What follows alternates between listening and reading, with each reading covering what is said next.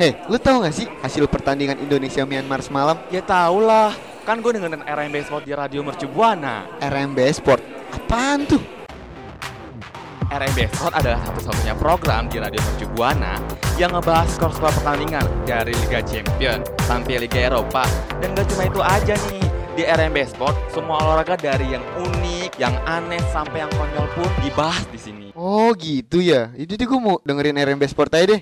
Pengen tahu olahraga-olahraga unik di dunia? Dengerin aja Rembe Sport setiap hari Jumat dari jam 2 siang sampai jam 4 sore hanya di Radio Mercu Buana Station for Student.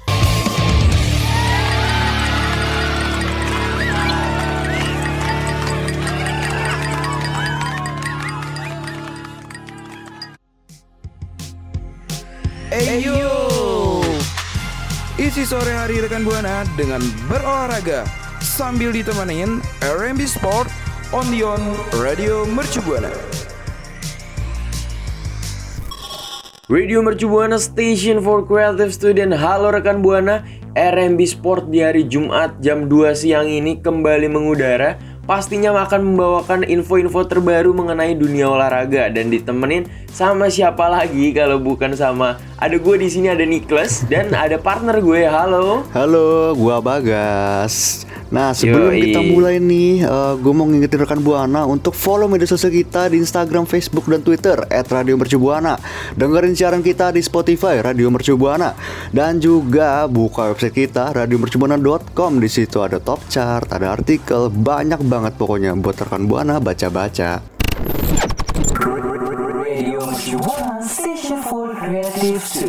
Ah, rekan Buana, jam 2 siang ini kayaknya enak banget nih buat mulai dengan kabar gembira. Dari Tenas Indonesia, Thomas Cup 2020, Indonesia kembali rajai singgasana turnamen bergu tertua karena kemarin Indonesia berhasil meraih juara.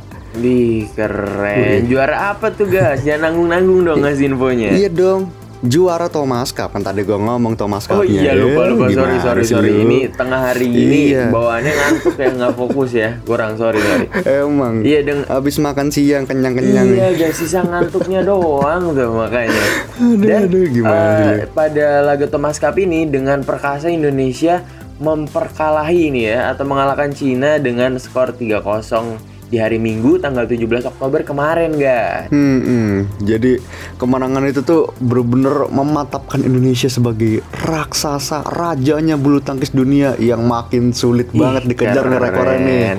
Setelah sekian lama ya guys ya Hmm. Indonesia eh, Indonesia tuh memang perkasa di turnamen bergu BF eh, BWF eh, yang paling tua yang digelar sejak tahun 1948 atau juga biasa dikenal sebagai kejuaraan dunia bergu putra. Nah emang keren banget sih.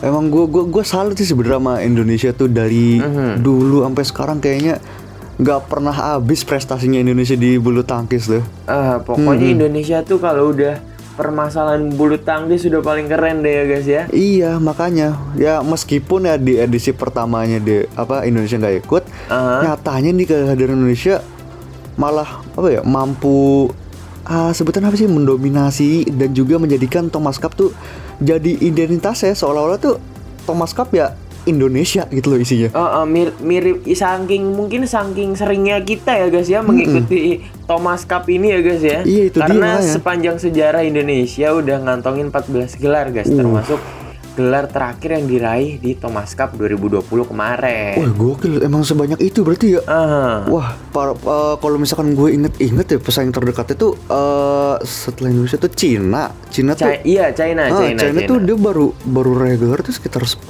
malah 10 gelar loh. Hmm, 10 gelar. Masih masih jauh di belakang loh. Iya, berarti ini membuktikan bahwa Indonesia dalam sebuah hal lebih bisa lebih unggul dari negara lain ya guys ya. Hmm, itu dia. Jadi eh gue gue gue sih ini apa salut banget karena kayaknya setiap pertandingan bulu tangkis tuh jarang banget kita dengar Indonesia kalah. Iya gak sih? Ah, karena kita udah OP banget guys, udah parah banget, keren banget gitu. Iya itu dia Gini aja kita, kita aja ada jalanan dikit Jadiin tempat main bulu tangkis kan Jadi maksudnya kan Bulu tangkis tuh udah melekat di Indonesia banget loh Parah. Kayak mau di mana pun Mau di apa eh, mau di jalanan mau di koridor kelas mau dalam kelas sendiri pun kita main bulu tangkis ya kan? Kadang kalau misal anak sekolah gitu ya guys ya, mainnya cuman modal ini guys, modal pakai buku yang dilipet tau gak sih lo? Iya, tahu, tahu, lipet pakai penghapus. Nah itu bukan bulu tangkis tuh, Iya. penghapus tangkis tuh namanya tuh. Iya nggak ada bulunya soalnya karet jatuhnya. Tapi seenggaknya maksudnya kita walaupun nggak ada bulu tangkisnya mah improvisasi itu tuh memperlihatkan kehebatan Indonesia loh sebagai pemain bulu tangkis yang mungkin nanti bisa jadi profesional ya kan? Kita berarti bisa melihat kesempatan dalam kesempitan kali ya guys ya. Iya, itu dia kan apalagi dengan dengan tagline Indonesia yang kalau misalkan setiap smash Iya, iya, iya. itu Keren, keren, keren, keren. Emang gokil banget sih nih buat rekan buana mungkin ya.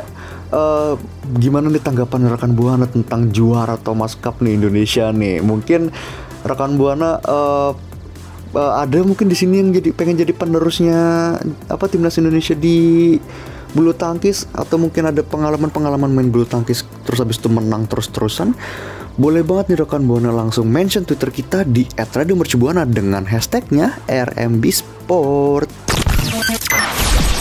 Radio Mercu Buana Station for Creative Student. Wow wow wow rekan buana dari bulu tangkis kita beralih ke sepak bola.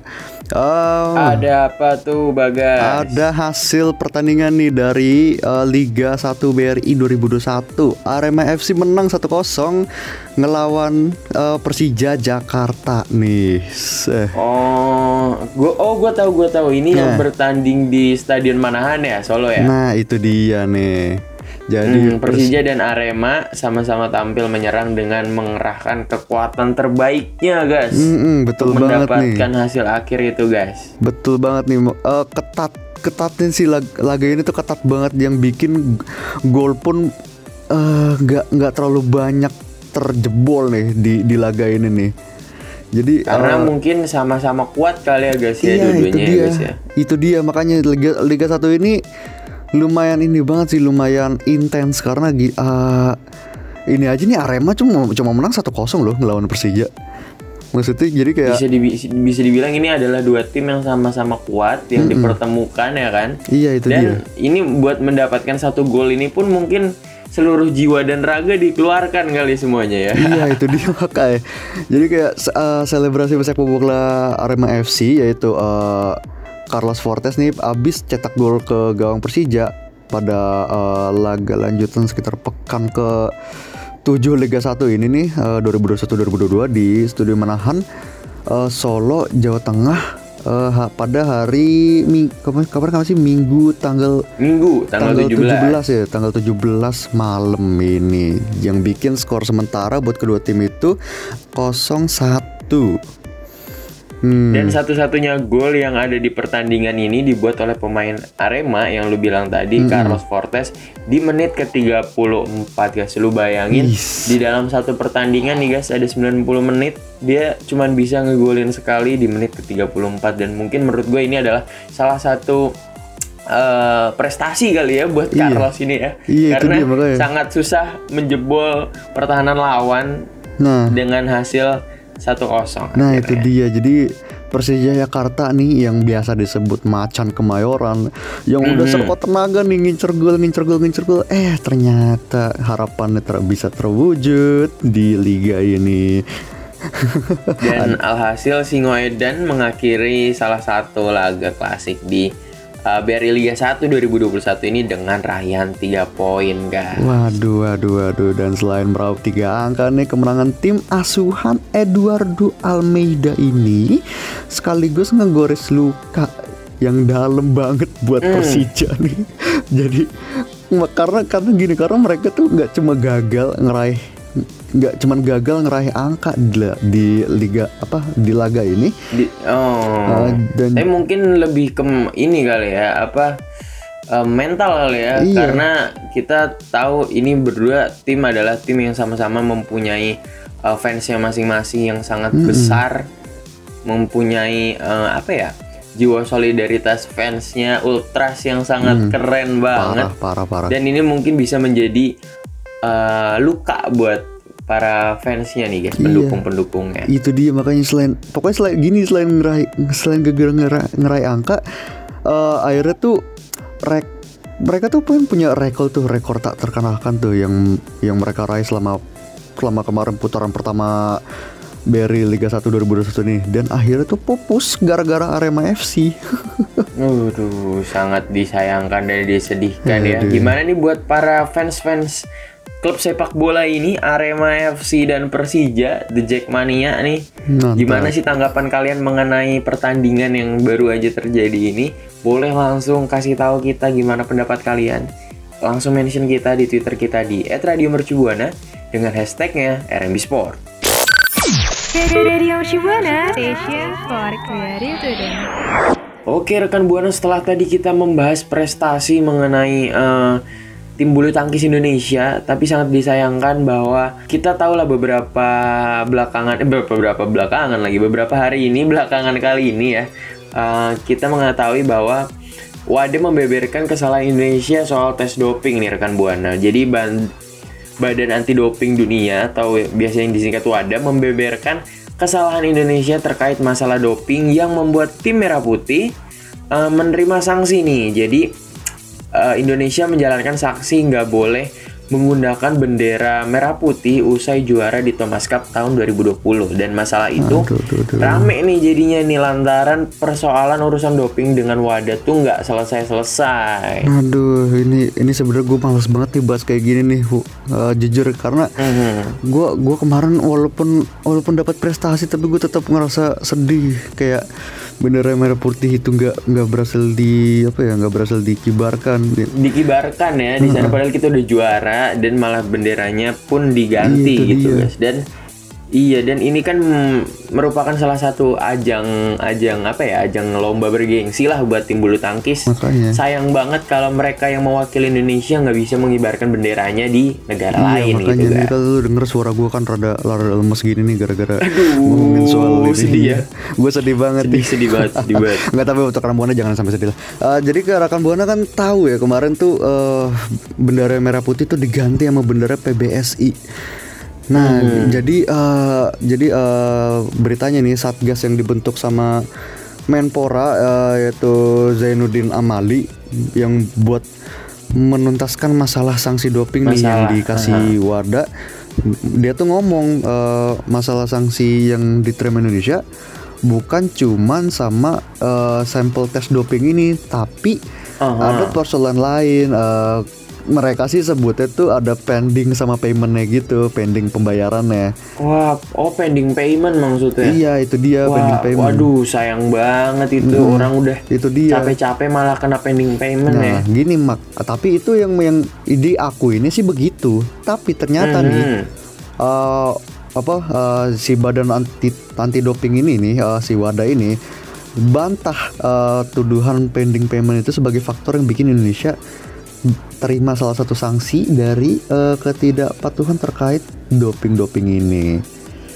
Waduh, ini malah jadi jadi belibet gini ya masalahnya Nah, guys iya ya. itu dia nih makanya nih gue gue ngutip nih gue ngetip eh, kata-katanya Wada kemarin Eh, pokoknya eh, intinya eh, sebagaimana disebutkan kemarin dalam pernyataannya Wada tertanggal eh, 7 Oktober kemarin ketidakpatuhan Nado Indonesia itu bukan dari eh, pending payment tapi justru akibat dari ketidaksesuaian dalam ngelaksanain program pengujian yang efektif. Hmm, pengakuannya seperti itu ya. Iya pengakuannya pending payment tapi dari WADA itu akibat dari ketidaksesuaian yang ngelaksanain program pengujian ini nih. Mhm. Oh iya, gue juga gue juga dengar-dengar eh, sebelumnya Raja Sabta Oktohari ini sebagai ketua satgas yang dibentuk oleh Menpora bilang kalau di luar persoalan sampel tes doping, Ladi juga bermasalah dalam hal administrasi